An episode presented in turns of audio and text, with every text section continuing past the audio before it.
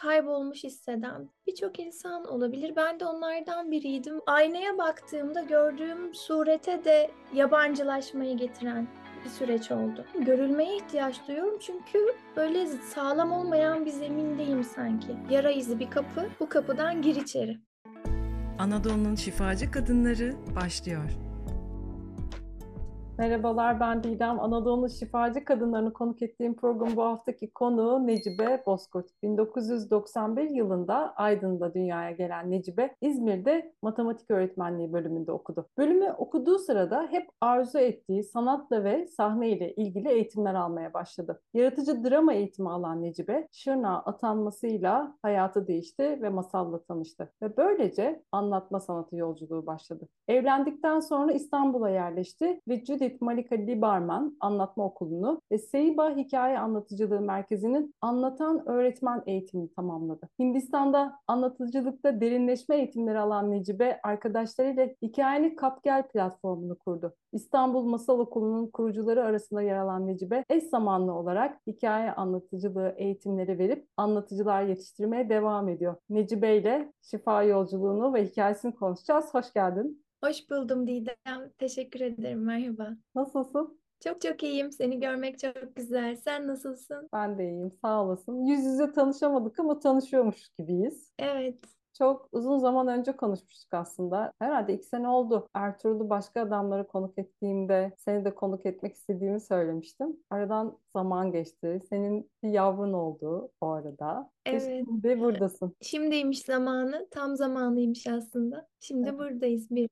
Teşekkür ederim kabul edip geldiğin için. Ben de çok teşekkür ediyorum Didem. Çok güzel bir yolculuk burası. Çok güzel. Bir hancı gibisin. Pek çok yolcu ağırlıyorsun. Ben de o yolculardan biri olduğum için mutluyum. Masallarla nasıl tanıştın? Hayatını nasıl etkiledi? İlk görev yerim olan Şırnağa atandığımda 21 yaşındaydım ve sanatla ilgili okumaya devam etmek, konservatuar okumak gibi hayallerim varken birdenbire kendimi bir devlet okulunda matematik öğretmeni olarak buldum. KYG'de dünyaya geldim ve o bölge dışında pek çıkmamıştım. Yani Türkiye'nin KYG dışındaki yaşantısına dair pek bir fikrim yoktu. İzmir'de okudum üniversiteyi ve üniversiteden sonra birdenbire göreve başladığım coğrafya masalın kendisiydi aslında. Orada bazı günler zorlandım. Çünkü ben sanat okumak istiyordum. Konservatuvar okumak istiyordum. Sahne sanatları üzerinde ilerlemek istiyordum. Ve kendimi birdenbire görevde bulduğum yerden sıkıştım. Orası beni çok sıkıştırdı. E hani sanat okuyacaktım. Ben şimdi 21 yaşındayım ve ne yapacağım şimdi? Öğretmen oldum. Büyük bir sorumluluk. Bir gün evde tek başıma kalıyorum. O zaman da bölgede herkesin, yaşayan herkesin zorlandığı günler geçiriyorduk. Oradaki canlı olan her şeyin ve herkesin zorlandığı günler ve eve erken girmemiz gerekiyordu. Hava zaten erken kararıyor. Eve girdim. Saat 3 bahsettiğim erken saati 3 öğleden sonra. Bulaşıkları falan yıkayacağım, ütü yapacağım. Radyoyu açtım. Ama kendimi o kadar kaybolmuş hissediyorum ki günün büyük çoğunluğunu uyuyarak geçirmek istiyorum. Ve radyoda, NTV radyoda ilk defa o gün Şöyle bir intro geçti. Bir Fransızdan büyüklere masallar diye. İlginç geldi bana. Introyu anlatan kişinin de ses tonu muazzam zaten. Dedi ki yetişkinlere ateş başında masallar anlatılan bir komünde büyümüş diye anlatıyor Judith'le ilgili birkaç şey. Ve ben o anda şöyle kaldım. Bir kadın var ve bir ateşin başında hem de yetişkinlere anlatıyor. Mıhlandım böyle. Aa bir kadın var anlatıyor. Bir kadın var. Aa, mantra gibi bunu tekrar ediyorum evin içinde. Bir yandan ütü yapıyorum ya da bulaşık yıkıyorum. Komşularım hep öğretmen arkadaşlarım, okuldan öğretmen arkadaşlarım. Kapılarını çalıyorum falan. Aa bir kadın var. Sonra Judith'in kitabını aldım. O zaman masal terapi vardı. Ha baktım bir kadın var. Bunları anlatıyor. İnsanlara masalları anlatan bir yetişkin var. Bir yandan böyle bazen böyle incilerim dökülüyor. Bir yandan da söylüyorum gittiğim yerde. Eşime dostuma aldım arkadaşlarıma kitabı. Sonra Dedim ki neymiş bu masal anlatmak, neymiş hikaye anlatmak, neymiş anlatma sanatı? İçimde büyük bir kıpırtı var ama neymiş bu? Bunu kimler yapıyormuş? Sevgili Judith'i araştırdım. Sonra sevgili Nazlı, hocalarımdan birisi Nazlı Çevik Azazi. Onun blog yazılarına rastladım. Kelimeleri o kadar tanıdık geliyor ki. Orada sıkışmış böyle küçücük bir kız var ve bir insan hiç bilmeden çok uzaktaki birine yalnızca kelimeleriyle yol arkadaşlığı yapabilir. Ben bunun bir örneğiyim aslında. Alışılmışın dışında bir yaşam yaşayan ve kaybolmuş hisseden birçok insan olabilir. Ben de onlardan biriydim ve küçüktüm daha. Yaşamın zorluklarıyla çok karşılaşmamıştım. Ve bu kadınların kelimeleri ne anlattıkları önemli değil. Benim içimi bir yerden yakalıyordu.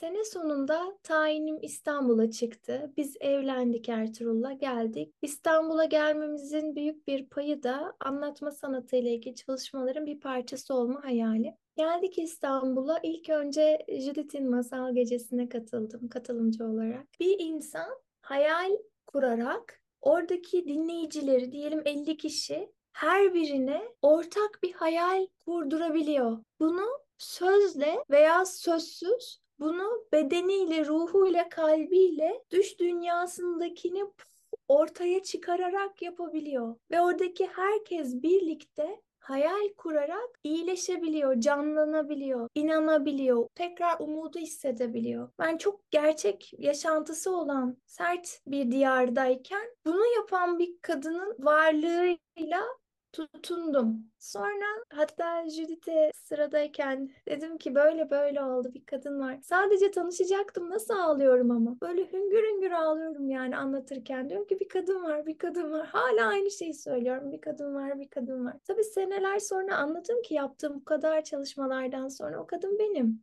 Onda gördüğüm, ona yansıttığım o kadın benim. 21 yaşındaki ya da 22-23 yaşındaki o vücut bul- bulmuş halini yani tabii ki kendi özgünlüğünde ve tabii ki benimki kendi özgünlüğümde fakat anlatabilen yani dilinin mührünü çözebilen sanki dudaklarında bir mühür var da mühür açılmış anlatmanın çeşitli formlarıyla kendini ifade edebilen. Böyle başladı masalla yolculuk. Sonra sevgili Nazlı ve Şeyda Seyba'da Anlatan Öğretmen programı açtılar. Onun katılımcılarından biri oldum. Bir senelik bir programdı ve diğer katılımcı arkadaşlarımla birlikte çok güzel dönüştük ve sonrasında da bu alanda kim çalışma yapıyorsa her birinin çalışmasına katıldım. Türkiye'de kim yapıyorsa her biriyle tanıştım. Benim de katılımcılarım var ve herkesten öğrendiğim, büyüdüğüm, beslendiğim bir sofra oldu benim için topluluklar. Masalların şifası nasıl oluyor peki? Yani bizde bu Cidit'le beraber aslında biraz fitil ateşlenmiş ama Anadolu da aslında bununla ilgili çok zengin topraklar ama biz bir şekilde o topluluktan uzaklaştığımız için masalları da unutmuşuz. Sen ilk tanıştığında ve o yolculuğa çıktığında nasıl bir dönüşüm geçirdin? Masalların nasıl şifasını buldun? Ben çok dönüştüm Didem. Üniversitelerin Türk Halk Bilimi bölümleri var. Bizim ülkemizde de özellikle Hacı Bayram Veli Üniversitesi'nde sevgili Evrim hocamızın, Evrim Ölçer Özünel ve Öcel Oğuz hocalarımızın bulunduğu, aynı zamanda Ege Üniversitesi'nde Pınar hocamızın bu Türk Halk Bilimi bölümlerindeki hocalarımız Anadolu'da anlatılan masalları anlatıcısından derleyip Sonra tezlerde, projelerde anlatıcıların anlatabileceği kaynaklar haline getiriyorlar. Bu zengin arşiv onların emekleriyle aslında çok ulaşılır. Çok büyük bir hazine. Ee, Anadolu'da çok fazla anlatıcı var. İşte hayaliler var, meddahlar var, masal anaları var. Masalı performans haline getirerek masal anlatmanın bir performans sanatı olduğunu örnekleyen sevgili Judith ve onun o canlılığı, renkliliği, bizim pek çoğumuzun ilham almamızı sağlayan bir özgünlüğü var. Masalların şifası ile ilgili benim geçtiğim yolda şimdi ben kendi yolculuğumdan daha şeffaflıkla bahsetmek istiyorum. Küçükken yaşadığımız pek çok travmatik durum oluyor. Yaşadığımız coğrafya zaten bunun bahçesi. Benim de sonradan anladığım, o zamanlarda bilmediğim, kendimce gerçek kıldığım bir savunma mekanizmam varmış. Yaşadığım pek çok şeyden sonra bakıp da aa bunlar gerçek değil ki. Şey hatırlıyorum ya halının üzerine yattığımı aa bunlar gerçek değil ki. Hiçbiri gerçek değil ki. Bir rüya ki bunlar. Bir rüya ki. Şimdi bu gerçek değil ki ve rüya ki bana miras kalmış kendimden. Fark etmeden büyürken yaşama şeklim haline gelmiş. Pek çok yaşantının içinden geçerken de hem zorlayıcı yaşantılarda hem de beni onurlandırıcı yaşantılarda ikisinde de. Ya bunlar gerçek değil ki. Yeşerttiğim güzel çiçeklere de aa bunlar gerçek değil ki. Ben yapmadım ki. Ya da zorlandığım birçok yerde de Aa, bunlar gerçek değil ki. Bu arka planda sistem böyle çalışmış bende. Ve bu aynaya baktığımda gördüğüm surete de yabancılaşmayı getiren bir süreç oldu. Ve sorduğum en temel soru kendime ben kimim? Ama bu herkes yani ben kimim genel bir sorudur. Hepimizin sorduğu bir sorudur. Fakat ben gerçekten yabancılık çekiyorum kendime ve görmeye ihtiyaç duyuyorum, görülmeye ihtiyaç duyuyorum çünkü böyle sağlam olmayan bir zemindeyim sanki. Yaşam böyle geçiyor. Bir de öğretmenim, sorumluluk alıyorum. Bir yandan öğretmenim ve arka planda bu böyle çalışıyor bende. Bir yandan eşim, arka planda böyle çalışıyor bende. En çok beni böyle puf dibe vurduran yer ise anne olduktan sonra oldu. Çünkü dünyanın en gerçek şeyiyle böyle çarpışınca o yıllarca uğraştığım halde tam tam tam halledemediğim mesele önüme geldi ve onu çözmek zorunda kaldım. Bir bomba oldu elimde. Gerçek mi değil mi? Hadi bakalım. Çünkü özellikle e, doğumdan sonra bir de hormonlar, bir de o değişen duygular iyice gerçekliği, illüzyon böyle arafta kaldığım zamanlar oldu benim için doğumdan sonraki bir buçuk sene. Oldukça zorlayıcıydı. Hatta bu görmek üzerine işte gözlerimin etrafı hastalandı. Çok egzama gibi büyük yaralar. Ve bu bana şunu söyledi yani bu bir kapı, yara izi bir kapı. Bu kapıdan gir içeri. Artık bir yetişkinsin, bir bakım verensin, bakım vermeyi bilensin. Sen bunu çözeceksin. Şimdi buraya kadar geçen bu 7 yılda masalların kapısını açtığımda da imgeler. Ben aslında imgelerle çalışarak kendi bilinç dışımla çalışmaya devam ettim ve kendimi seneler içinde çözümledim. Bu 7 yılda inanılmaz inanılmaz yol aldım. İnanılmaz yol aldım. Yani bu meseleyi hem içinden geçip hem çözümleyip hem de iyileştirdim nihayetinde. Şu an bunu büyük oranda iyileştirdim, yönetebiliyorum çünkü artık. Peki bu nasıl oldu? Şimdi hikaye anlatıcısı olmak için hikaye anlatıcısı olmadım esasında masallardaki bazı masallardaki yani nasıl oluyor? Bir masal okuyorum ya da bir masal dinliyorum. Oradaki bir imge tıpkı rüyalarımızda nasıl bizi bazı gördüğümüz imgeler etkiler ve unutamayız günlerce, aylarca, bazen yıllarca hatırlayız o imgeleri ve bir şey anlatır bize. Benim için de böyle kült masallarım var birkaç tane dostluk kurduğum. Ama dostluk kurmak ne demek? 3 sene, 4 sene, 5 sene kadar sene olduysa benimle birlikte devam eden, beni büyüten ve onunla birlikte büyüdüğüm, onu da büyüttüğüm, birbirimizi anladığımız. Yani böyle bir bardakken artık bardağın huyunu, suyunu, tadını, tuzunu derinden anlayabildiğim noktaya geldiğim. Ve o bardağın da ben onu anlamak için uğraştıkça bana ılık ılık yudum yudum su verdiği, beni beslediği bir yolculuk, bir birliktelik masallarımla olan. Buradaki imgeler üzerine yazdım, çizdim, anlattım, ifade ettim onları. O gördüğüm bana göz kırpan o imgeleri ben dillendirdim. Çok fazla mandalalar çizdim el çizimleri yaptım. Mesela doğum öncesinde, hamilelik öncesinde ve hamilelikten sonra yaklaşık 3-4 yıldır durmadan eller ve gözler çizerken buluyordum kendimi. Saatlerce el mandalası çiziyorum, gözler çiziyorum. Saatlerce ama. Başından kalkmadan gece boyunca çizdiğim ve sağalttığım ve anlatarak. Şimdi masalın şifası nasıl oluyor? Bu kısım bendeki özel bir yer. Ama genele baktığımda canı gönülden dinleyen bir kulak buluyorsun ve o kulağa bütün kalbinle içinde büyüttüğün, dostluk kurduğun bir hikayeyi dillendiriyorsun, ifade ediyorsun. Bunu anlatırken senin gördüğün o düş dünyandaki ortada sanki herkesin gördüğü bir film haline geliyor. Bir hikaye anlatıcısı hikaye anlatırken dinleyen ve anlatıcı birlikte aynı filmi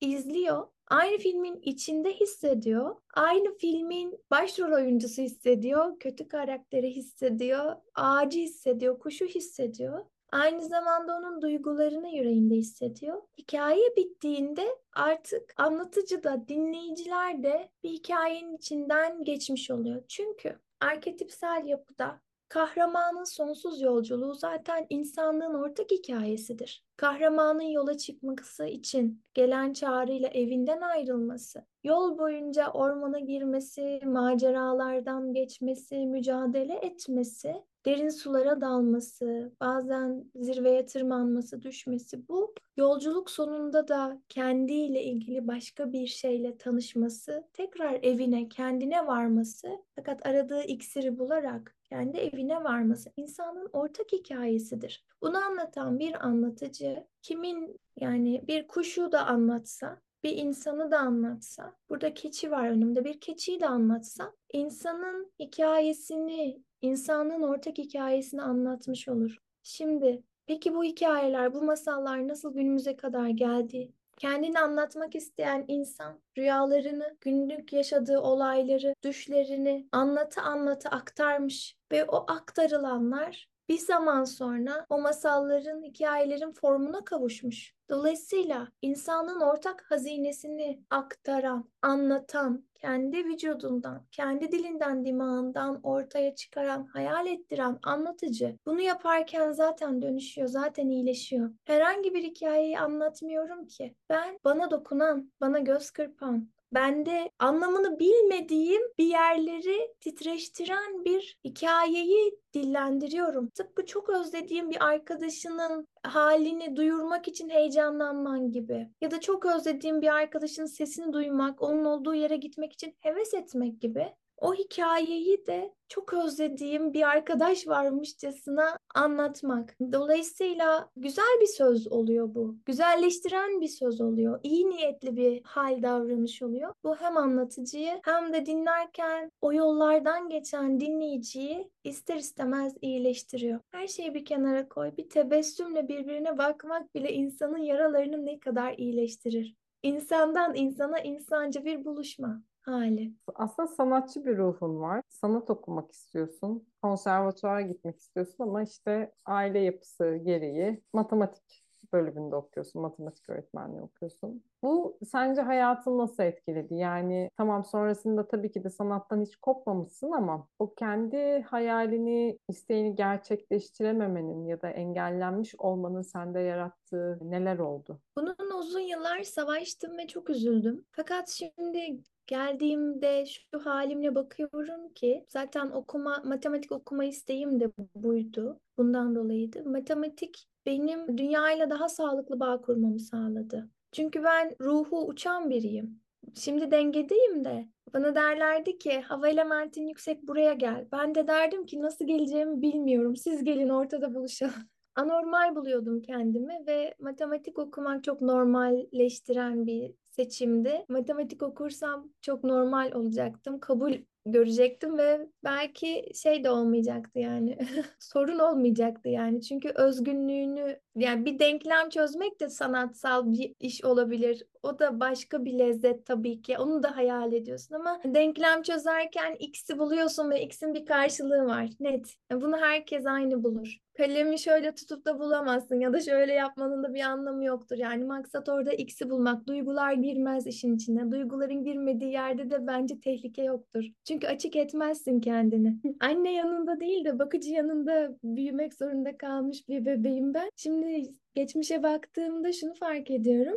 Ne zaman özgünlüğüm, ne zaman ışığım ortaya çıkacak olsa tehlikede hissetmişim ben kendimi. O yüzden daha az göründüğüm, duygularımı fark ettirmediğim, fikirlerimi ortaya böyle sunmadığım, herkesce kabul gören yerlerde, daha doğrusu görünmediğim yerlerde daha güvende hissetmişim kendimi. O yüzden matematik benim için çok güvenli bir alan. Şimdi tekrar anlatıcılıkla ilgili çalışırken duygular hassas oluyor. Duygularla çalışıyoruz sonuçta ve insanlarla da birebir duygusal iletişimler de kurmak gerekiyor. Bu annelikten sonra hırpalandığım dönemde dedim ki ben iyi ki matematik öğretmeniyim, sığınacak bir limanım var. Okuluma giderim ve dersime girdiğimde kendimi açık etmeme hiç gerek kalmaz gibi.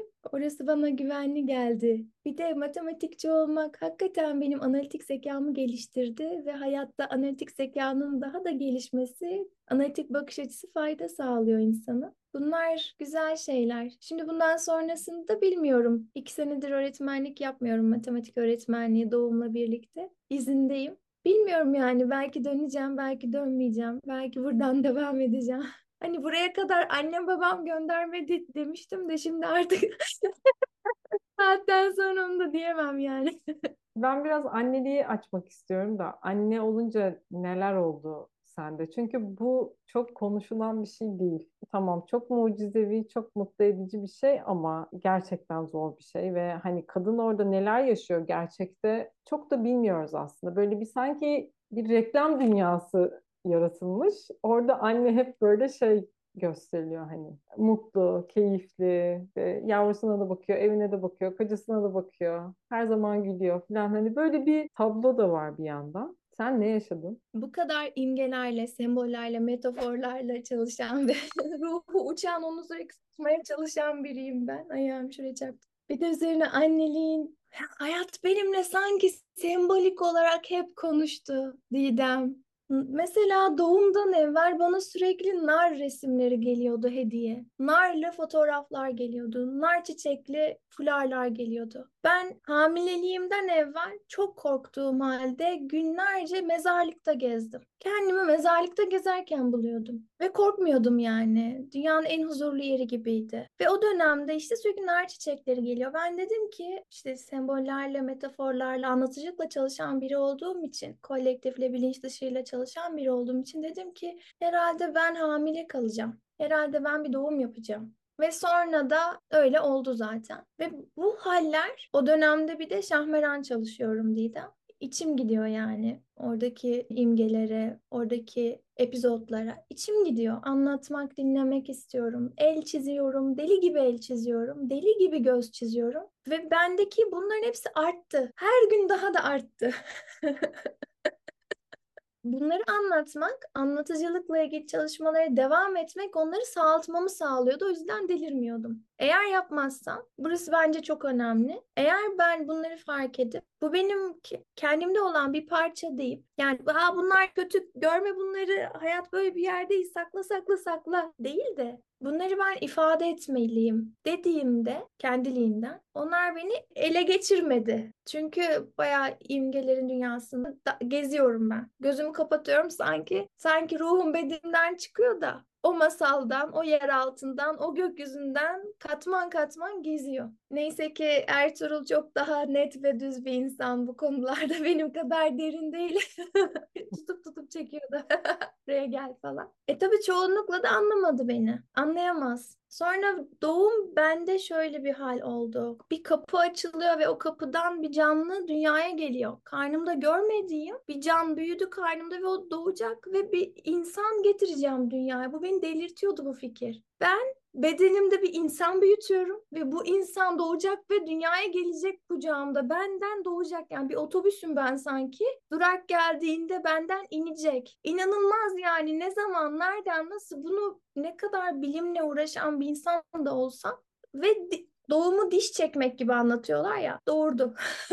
Sanki dişçiye gitti, azı dişini çektiler. Bana zor geldi. Sezaryen doğum oldu. Ve çok ağrıdı yani. Vücudum çok ağrıdı. Neden kimse bunu söylemedi dedim ben. Canın yanacak falan diye. Niye kimse söylemedi? Bir de doğumdan sonra Kerem yoğun bakıma alındı. Belki bunu izleyecek olanların içinde doğum yapacaklar falan varsa ya da karşılaşacak çok yaygın bebeklerde artık enfeksiyon artıyor. Enfeksiyon arttığı için çok fazla bebek yoğun bakım alınıyor. Ama bizim için bir ilk ve kaç gün kalacağı belli değil. Covid sonrası ben de hamilelikte Covid geçirmiştim. Ne olacak belli değil falan. Böyle çok mistik, tatlı, güzel anılarımız artmaya başladı.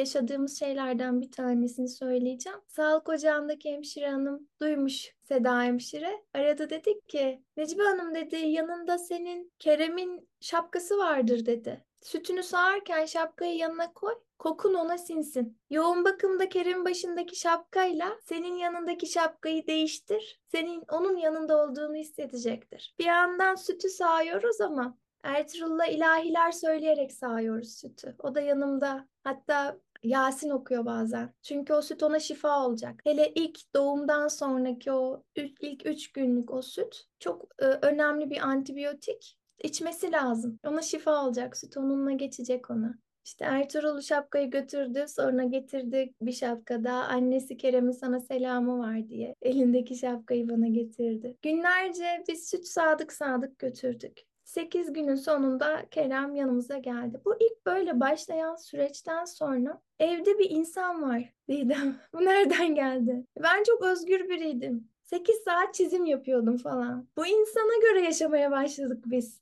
Ve hala eskiyi yaşatmaya çalışıyorum. Sanki doğumdan önceki ben devam ediyor gibi ya da etmeli gibi ya da edebilecek gibi bir yandan onu halledip bir yandan da o eski beni yaşatmaya çalışıyorum. Geçen süre zarfında ben anladım ki artık doğum doğuran ve anne olan bir Necibe var. Ve bu Necibe eski Necibe değil, eski alışkanlıklarını yeni formuyla gerektiği kadar yeri geldiğinde icra edebilecek bir Necibe. Ve eski Necibe'yi uğurladım. Teşekkür ederim sana dedim geçtiğimiz aylarda. Ben artık hem anneyim, yeni bir yaşamım var. Bunu da seviyorum ama benim yapabileceklerim şu anda fiziksel olarak sınırlı. Bu derinleşme hali benim daha fazla yazmamı sağladı Didem. Habertürk'ün hayat sitesinde düzenli olarak annelik, masal ve yaşam üzerine yazılar yazıyorum. Benim artan bu imge dünyam, zenginleşen imge dünyam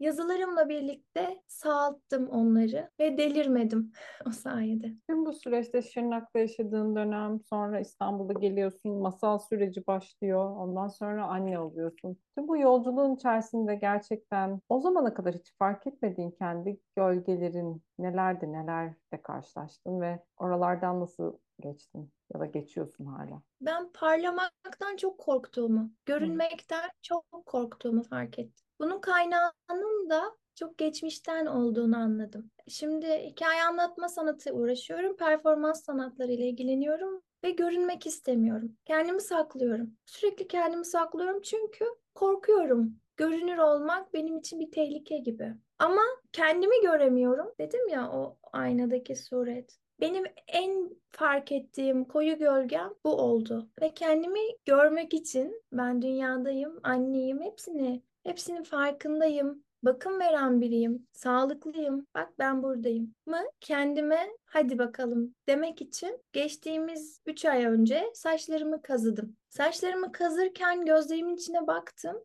ve dedim ki ama da olabilirdin. Kolun olmayabilirdi. Yürüyemeyebilirdin. Sen de böyle bir seçim yapmışsın küçükken ve bu seni korumuş, hayatta tutmuş. Artık küçük değilsin. Arkadaşım demişti ki Gülliver artık devler ülkesinde değil, Gülliver de bir dev. O zaman küçüktün ama şimdi bir yetişkinsin, bakım verensin, bir anlatıcısın. Olduğun halde olmaktan korkmamalısın. Kendi ışığın, kendi varlığın, kendi nefesin ancak sen onu kendi gözlerinle görürsen anlamı olan şeyler. Ama sen eğer kör olmaya devam edersen o zaman işte bir evlat yetiştiriyorsun. Orayı nasıl yöneteceksin yani? Buraya gel. Kendine gel. Kendimle böyle bir konuşmam oldu. İşte anneliğin o gerçekliği benim o kaçtığım pek çok şeyle tak tak tak yüzleşmeme sebep oldu. Sağladı da ve şimdi saçlarım güzel güzel uzuyor. Gözlerimin etrafındaki yaralar büyük ölçüde geçtiler. Şu an kortizollu krem kullandığım için hafif çıkmaya başladığında onu bastırıyorum. Geçecek zamanı var. Bunlar büyük meseleler çünkü. Yetememe hissi çok oldu mu sende peki? Yetersizlik hissi. Yetersizlik hissi Kerem'le ilgili, annelikle ilgili diyorsun değil mi? Annelikle ilgili yetersizlik hissi çok olmadı. Çünkü Kerem mutlu bir bebek Didem. Onu görünce ihtiyaçları karşılanan bir insanın tepkilerini veriyor.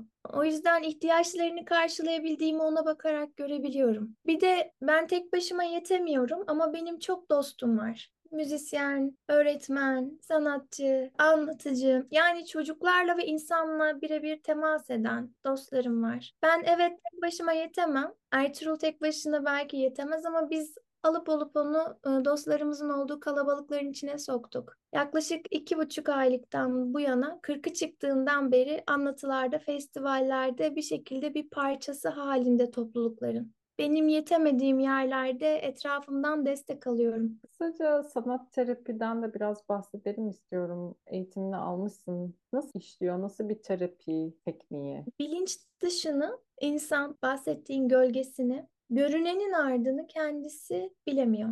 İnsan kendini tanımak için desteğe ihtiyaç duyuyor. Sanat terapi insanın kendini ifade etmesi için ve onunla ifadesiyle karşılaş, somut olarak karşılaşması için yollar, yöntemler sunan, çeşitli araçlar sunan bir alan. Bir masal anlatabilirim. Masalla aynı şekilde işliyor. Anlattığım masaldaki hissiyatını çizmesini isteyebilirim dinleyicimin. Çizdiğinde kendi içinde, kendi zihninde, hayal dünyasında dönenleri kendi çizimiyle gözünün önüne alacak. Şimdi ortaya çıkan ürün onun bir parçası. Ondan doğdu. Bu sanatçılık mı? Sanatı kullanarak ifade. O ifade ettiği eseriyle de iletişime geçtiğinde kendiyle ilgili pek çok şeyi tanıyabilir hale geliyor. Bu süreci daimi olarak yaptığında tıpkı benim yaptığım gibi kendi kendine rehberlik etmiş oluyor. Tabii ki bu çizimi yaptım. Beni duyacak bir kulak olursa ve ben o canı gönülden dinleyen kulağa kendi eserimi anlatırken kendi çizdiğimi kendi kulağımla duymak için bir başkasının kulağına ihtiyacım var. Ben sana anlatırken ağzımdan çıkanları duyuyorum. İnsanın kendi kulağı, kendi ağzına en yakın kulak ya. Ve ben kendimi işitiyorum. O zaman fark ediyorum. Fark ettiğimde iyileşme başlıyor. İyileşme masalda da sanatta da yani bilinç dışını bilince kolektifi günümüze taşıyan bütün sanatsal yolculuklarda iyileşme fark ettirerek olur. Fark etmen yeterlidir. Fark ettiğin zaman işlemleme başlar zaten. Ben sanat terapiyi kullanıyorum, şöyle kullanıyorum. Masalı da şuraya, şundan kullanıyorum. Kendini ifade edemediği için, dinleyen, canı gönülden dinleyen kulaklarla bir arada olmadığı için bedeni çeşitli şekillerde hastalanan büyüklerle büyüdü. Ve bu insanlar nasılsın dediklerinde birisi kolum ağrıyor, karnım ağrıyor, başım ağrıyor, ayağım ağrıyor. Peki bugün nasılsın? Şimdi sırtım ağrıyor. Şimdi nasılsın? Ses gitgide böyle daha hasta, daha hasta. Daimi hastalıkla kendini ifade eden. Bu bana işte Şahmeran'daki mağaranın içinde saklı şifacı motifini, imgesini, kendini saklayan, saklamak zorunda kalan, kendini ifade etmenin yollarını bilmeyen, bu yüzden de hastalanan çünkü sende olan bir şey dilinle söylemediğinde, elinle çizmediğinde ya da yemeğini yemek yaparak bunu yapıyorsan yemekle, örgü örerek yapıyorsan örgüyle kendi yöntemini bulmadığında sen bunu dilinle anlatma istediğin kadar bedenin anlatır. Sanat terapi de insanın kendini kendine ya da bir başkasına anlatmasını sağlıyor. Bu da iyileştiren bir süreç işte. Benim derdim de bu. Benim hayattaki derdim de bu. Anlatmanın yollarını paylaşmak, hatırlatmak. Şimdi karşıma çıkan bir hikayeye göre Meryem Ana Hazreti İsa'yı dünyaya getirirken yanı başında bir çiçek varmış. Sıklemen. Derler ki o çiçek yaprağı bir ele dönüşmüş ve doğum esnasında Meryem Ana'nın elinden tutmuş. Yani onun doğumunu kolaylaştırmış. Esasında benim yaptığım şey de hem kendime hem de başkalarına, öğrencilerime, katılımcılarıma buhur meryemlik yapmak. Hatta talip olduğum şey, daha da yapmaya gayret ettiğim şey insanların kendilerine buhur meryemlik yapabileceğini fısıldamak, kendi doğumlarını kolaylaştırabileceğini, kendi ellerinden tutabileceğini fısıldamak. Annelik süreci benim kendi ellerimden tutmayı öğrendiğim bir süreç oldu Didem. Dolayısıyla nerede zorlandıysak oradan bir hediye getiriyor yaşam diyebilirim. Projelerinden, hayallerinden biraz bahseder misin? İçsel Barış Kulübü var bildiğim kadarıyla. Başka ne gibi şeyler yapmayı planlıyorsun? Var mı öyle planlar? İçsel Barış Kulübü işte bu kadar içsel savaşın sonrasında ve bu kadar dış dünyadaki savaşın harlanmasının farkındalığıyla insanın içindeki barış, dünya barışına giden yol insanın içinden geçer. Fikrini içime düşmesiyle ortaya çıkan bir sanat ve farkındalık buluşmaları topluluğu İçsel Barış Kulübü. Bunu her ay yapıyorum. Burada şimdiye kadar edindiğim, kendimde işe yarayan araçlarımı katılımcılarımla paylaşıyorum ve bu baharatlı yemeğin asıl omurgasında da sanat terapi yöntemi işliyor. Aynı zamanda Anlatıcının Sonsuz Yolculuğu diye bir hikaye anlatıcılığı eğitimimiz var. Ertuğrul'la birlikte onu yapıyoruz. İda Drama Sanat Akademisi'nde yapıyoruz. Orada anlatıcılar yetiştirmeye devam ediyoruz. Şimdi beni heyecanlandıran şey yeni dönemde artık babasıyla Kerem daha fazla vakit geçirebildiği için sahne performanslarına başlayacağım. İki tane performans üzerine çalışıyorum şu anda. Bir tanesi Yusuf ile Züleyha. Masalın içindeki yani halk hikayesi. Hikayenin içindeki Yusuf'un, Züleyha'nın, Hazreti Yakup'un, Potifar'ın, 11 kardeşin her birinin benim içimdeki bir yere rastladığını biliyorum. O geçtiğim deneyimlerden sonra o her bir parçayı ifade edecek evrensel semboller olarak da bu insanları anlatacağım. Mesela şu anki sürecimde masalın şifasını böyle kullanıyorum bilinçli olarak. Hem ben iyileşeceğim hem hikayeyi taşıyacağım anlatıcı olarak geçmişten geleceğe taşıma görevimi ihya edeceğim. Hem de çok özledim o buluşma halinde neler olacağını izlemeyi çok özledim. Bir tane daha hikaye çalışıyorum. Bu da sabah yıldızının insanın kendinde olduğunu fark ettiğim bir hikaye. Bunu kendim kurguluyorum. O da Zühre. Zühre'yi anlatacağım. Onun biraz daha vadesi var. Peki bu yolculukta sana ilham olan bir kitap, bir podcast veya film var mı önerebileceğin? Ben belki kullanmak da isterler, alana ilgi duyarlar diye bunu paylaşmak istedim. Halk Anlatıları Adnan Bin Yazar'ın kapı açıyor bu yolculukta yürümek isteyenler için. Anadolu'nun bütün zenginliğini e, gözler önüne seren, pek çok zenginliğini gözler önüne seren bir başucu kitabı. YouTube'dan izlemeyenler için ben okuyayım. Adnan Bin yazar, yazarı ve kitabın ismi Halk Anlatıları. Açıklama kısmını da yazacağım. Oradan ilgilenenler bakabilir ve alabilir. Uzun hikaye filmi izledin mi bilmiyorum. Kenan İmirzalıoğlu'nun oynadığı. Onu söylemek isterim. Benim için e, yaşama dair sıcacık bir anlatı o uzun hikaye. Bir de ben arkadaş dinleyen arkadaşlar faydalanırlar diye evvela masal Mehtap İnan sevgili arkadaşım Mehtap bilhassa Binbir Gece masallarını o güzide akışkan Türkçesiyle çok güzel anlatmış podcast olarak onu söylemek istiyorum. Evvela Masal Podcast'inin adı. Çok faydalanacaklarına inanıyorum bu alanla ilgilenenlerin. Teşekkür ederim. Şimdi yeni yılın ilk günlerindeyiz. Bugün 2 Ocak. Hafta sonu yayınlanacak bu kayıt. Ve dolayısıyla daha böyle hala herkesin içinde tatlı bir heyecanın olduğu, o umudun taze olduğu günlerdeyiz aslında. Niyetlerimizi ettik, dualar ettik belki ya da ritüeller yaptık bilemiyorum nasıl geçirdiysek. Tam da aslında buna yönelik bir kısa masal acaba anlatmak ister misin? Hem bizim yolculuğumuza da aslında ışık tutacak bir masal olabilir belki. Bir mesajı olur. Şehrazat'ı anlatayım mı? Anlat. Masalcıların Benim, atası. benim de içimden o geçiyordu. Masalcıların atası Şehrazat. Nanam.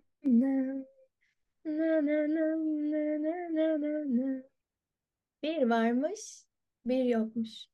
İnsanoğlunun başından geçenler dağdan taştan, kurttan kuştan daha çokmuş. Zamanlardan bir zamanda uzak diyarlardan birinde pek çok toprağa sahip bir hükümdar yaşarmış. Bu hükümdarın iki tane oğlu varmış. Oğullarından bir tanesinin adı Şahzaman, diğerinin adı Şehriyar. Şahzaman ve Şehriyar. Biri abi, biri kardeş. Babaları toprakların bir kısmını kardeş Şahzaman'a, bir kısmını abi Şehriyar'a vermiş. hem Şehriyar hem de Şahzaman aldığı toprakları halkının ferah seviyesini arttıracak şekilde yönetmişler. Çok uzun yıllar görüşmemişler. Günlerden bir gün kardeş Şahzaman abisini görmek için yola çıkmış. Yolu neredeyse biraz geçince, daha yarılamamış, biraz geçince sarayından gece konaklayacakları ormana gelmişler. Ah demiş Şahzaman, abime götüreceğim hediyeyi sarayda unuttum. Bütün kervan orada konaklamışken geriye dönmüş, saraya girmiş, odaya girmiş ve odada karısıyla kölesini sarmaş dolaş bulmuş. Hikayeye göre Şahzaman kılıcını kınından çıkardığı gibi ikisinin de kellesini uçurmuş ve olduğu haliyle hızla geriye dönmüş. Yüzünden düşen bin parça yola devam etmiş kervanla birlikte. Yolculuk onları abisinin yönettiği topraklara getirmiş. Abisi onu mutlulukla karşılamış. Fakat Şahzaman yüzünden düşen bin parça. Ne oldu kardeşim anlat lütfen demiş abisi. Seni senelerdir görmüyorum. Neden bu halin? Abi demiş bana neden bu halde olduğumu sakın sorma. Peki demiş odasını göstermiş. Ertesi gün olmuş. Bir ertesi gün olmuş hala yüzü gülmüyor. Kardeşim demiş gel birlikte ava gidelim. Abi ne olursun sen git. Benim şuradan şuraya kıpırdayacak halim yok demiş Şahzaman. Abisi hazırlanmış, saraydan ayrılmış. Şahzaman sarayın has bahçesini gören pencerenin önüne oturmuş. Bahçedeki şakıyan kuşları, ortadaki fıskiyeyi, bülbülleri, gülleri izlemeye durmuş ki bir anda Sultan Hanım has bahçeye kapılardan birinden girmiş. Sultan Hanım girince arkasında cariyeleri gelmiş diğer kadınlar, kadın köleler. Karşıdan erkek köleler gelmiş. Sultan Hanım tam fıskiyenin karşısına geçmiş ki ya Mesut, ey Mesut deyince iri kıyım bir köle bahçeye gelmiş. Kucaklamış Sultan Hanım'ı. O kucaklayınca erkek köleler, kadın köleleri kucaklamışlar ve alem başlamış. Alem akşamın ayazına kadar sürmüş. Bütün bunları pencerenin önünden izleyen Şahzaman, alem bittiğinde, gün batımında herkes kendi hanesine döndüğünde kahkahalarla gülmeye başlamış. Saraya abisi gelmiş. Abisini karşılamış. Yüzünden o düşmeyen bin parça olan şey dağılıp gitmiş yerine ay doğmuş mutluluktan. Kardeşim demiş Şehriyar. Ne oldu sana? Ne haldeydin şimdi hangi hale gelmişsin? Neden böyle bir anlat bakalım. Allah abicim neden öyleydim? Şimdi de neden böyleyim? Bana sakın ola sorma asla anlatamam. Derhal bana anlat deyince kardeşi neden yüzünden düşen bin parçaydı onu anlatmış. Şehriyar celallenmiş. Kardeşim peki bunun üzerine neden şimdi mutluydun bana derhal anlat. Abicim demiş bunu sana anlatamam ama yarın tekrar ben ava gidiyorum diye haber sal. Ormana gidince tepdili kıyafet gel ve birlikte izleyelim. Ertesi gün olmuş Didem. İki kardeş pencerenin önüne oturmuşlar. Film izler gibi bahçeyi izlemek için yerleşmişler. O esnada önce Sultan Hanım gelmiş bütün ihtişamıyla arkasından 12 kadın köle, karşıdan 12 erkek köle. Ya Mesut, ey Mesut deyince iri kıyım köle gelmiş. O gelmesiyle Sultan Hanım'ı kucaklamış. Diğer köleler kucaklaşmışlar ve alem başlamış. Hayır, orada müdahale de etmemişler. İkisi bir oturmuş, sonuna kadar izlemişler Didem. Akşama kadar izlemişler ilk önce olanları. Sonra akşam alem bitmiş ama ortam dağılmadan Şehriyar sarayın bahçesine çıkmış. Her birinin kellesini bir çırpıda uçurmuş. Şimdi hikaye aslında burada başlıyor. O günden sonra Şah Şehriyar bir karar almış. Her gün ama her gün henüz evlenmemiş bir kadınla evlenmeye ve sabaha karşı ezanla birlikte onun kellesini uçurmaya yemin etmiş. Ve her gün o coğrafyada yaşayan henüz evlenmemiş kadınlardan biriyle evlenmiş karı koca olduktan sonra gün doğumunda kellesini uçurmuş. Bu günlerce sürmüş. Günlerce her haneden kan akmaya başlamış. Her haneye acı düşmeye başlamış. Öyle ki halk ya kız çocuklarını daha büyümeden oradan kaçırmışlar ya da ellerindeki kız çocuklarını hükümdara eş diye vermek zorunda kalmışlar. Böyle böyle ya kaçanla ya ölenle derken orada hükümdarın evlenebileceği henüz evlenmemiş genç kadın kalmamış. Bunu haber alan vezir ne yapacağını bilmez halde evin içinde dört dönerken büyük kızı, şehrin özgür kadını, güzeller güzeli, aya sen doğma ben doğayım diyecek kadar güzel. Bilgisi ve zarafetiyle dört yana nam salmış, güzide bir hatun, Şehrazat. Şehrazat babasının karşısına geçmiş ve demiş ki ona babacığım nedir bu halin anlat hele. Babası anlatınca babacığım demiş benim çeyizim hazır beni sultanla evlendir. Asla olmaz böyle bir şey demiş vezir. Asla olmaz böyle bir şey. Sen kafayı mı yedin? Babacığım beni sultanla evlendir. Evlendir ve izin ver. Ben de henüz evlenmemiş, henüz yaşayan kız kardeşlerimin yaşamalarını sağlayayım. Bunu ancak ben yapabilirim. Lütfen bana izin ver. Babası razı gelmiş. Şehrazat'la hükümdar düğününü yapmak için ertesi gün karar kılınmış. Şehrazat'ın bir de kardeşi var Dünyazat. Şehrazat Dünyazat'ı yanına çağırmış. Sevgili kardeşim, vakit gece yarısını geçince kapının önünde bekleyeceksin. Ben de diyeceğim ki sultana, sultanım izin verin ben kardeşimi son bir kez göreyim. O zaman odaya geleceksin. Geldiğinde diyeceksin ki hükümdarım ablamın hoş masallarından bir tanesini dinleyelim de dünyayı gözlerini öyle kapatsın. O da tamam diyecek ve ben de başlayacağım masalımı anlatmaya. Öyle de olmuş. Şehriyar'la Şehrazat evlenmişler.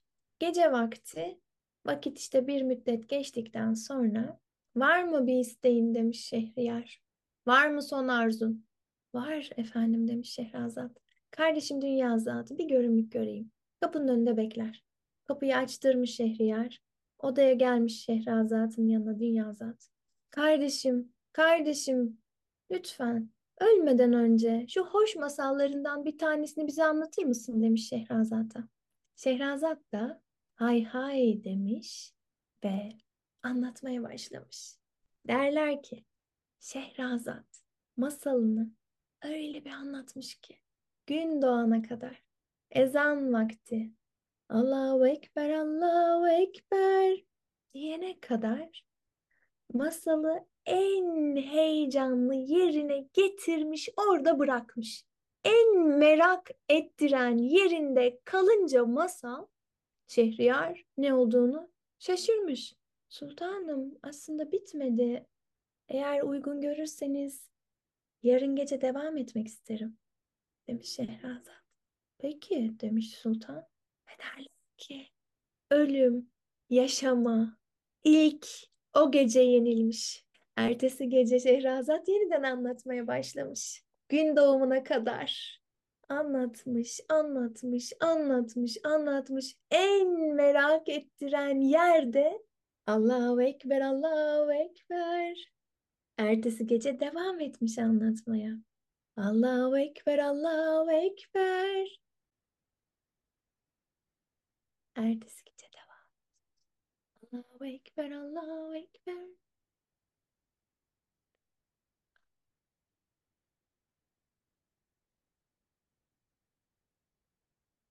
Tam bin gece anlatmış Şehrazat.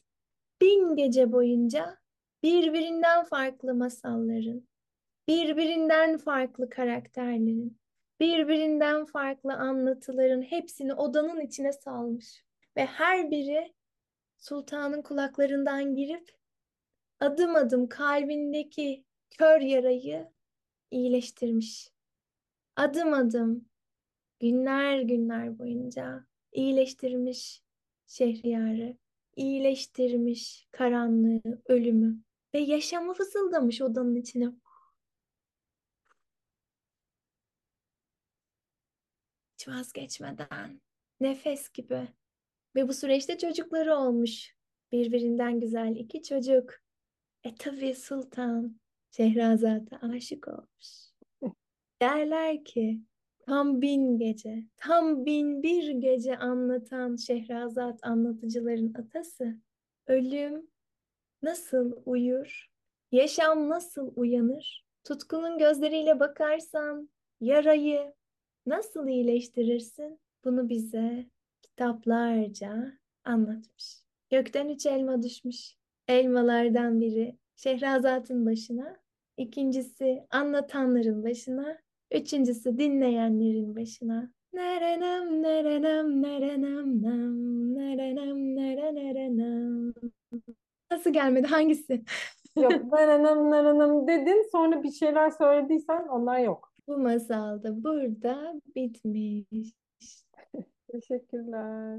Yolda olanlara söylemek istediğin başka bir şey var mı acaba? Sevgili Damla Çeliktaban, Clarissa Estes'in Aurora La Puerta şiirini Türkçe'ye çevirmiş. Bunu da çok güzel okur. Şiirin içinde şöyle bir dize var. Diyor ki, yara izi bir kapı. Abra la puerta. Aç kapıyı. Çok sağ ol. Çok teşekkürler. Dilerim cesurca açarız o kapıyı ve o kapının armağanlarını alırız. Dilerim. Halk anlatıları işte bu yolculukta rehberlik edebiliyor bize. Kimsen yoksa, hiç kimsen yoksa yanında bir halk anlatısıyla dostluk kurabilirsin. O sana buhuru meryemlik yapar. Çok sağ ol Necibe. İyi ki geldin, paylaştın. Ben teşekkür ederim Didem. Davet ettiğin için. Çok sağ ol. Sağ ol. Ve sizlere de çok teşekkürler. Umarım sizin için de keyifli, kalbinize dokunan bir sohbet olmuştur. Özellikle de son masal. Bilmiyorum kim ne aldı o masalda. Herkesin alacağı mutlaka farklı bir şeydir ama dilerim aldığınızda ihtiyacınız olandır. YouTube kanalına abone olursanız ve bu programı oradan takip ederseniz bana destek olmuş olursunuz. Yorumlarınız, önerileriniz biliyorsunuz benim için çok kıymetli. Gerçekten beni motive ediyor. O yüzden oradan bir sesinizi duyarsam çok mutlu olurum. Ve yeni yılın ilk aşk buluşması 23 Ocak Salı akşamı saat 21'de olacak. Zeynep Tamtürk, İrem Demir ve ben olacağız bu aşk buluşmasında. Beden farkındalığıyla e, hareketler ya- yapacağız. Rahimle çalışacağız ve nefes çalışması yapacağız. Eğer katılmak isterseniz Instagram'da profilimdeki linkten kayıt formunu doldurup katılabilirsiniz. Bir sonraki bölümde görüşmek üzere. Tekrar hepinize mutlu seneler diliyorum. Kendinize iyi bakın. Hoşçakalın. Anadolu'nun şifacı kadınları sona erdi.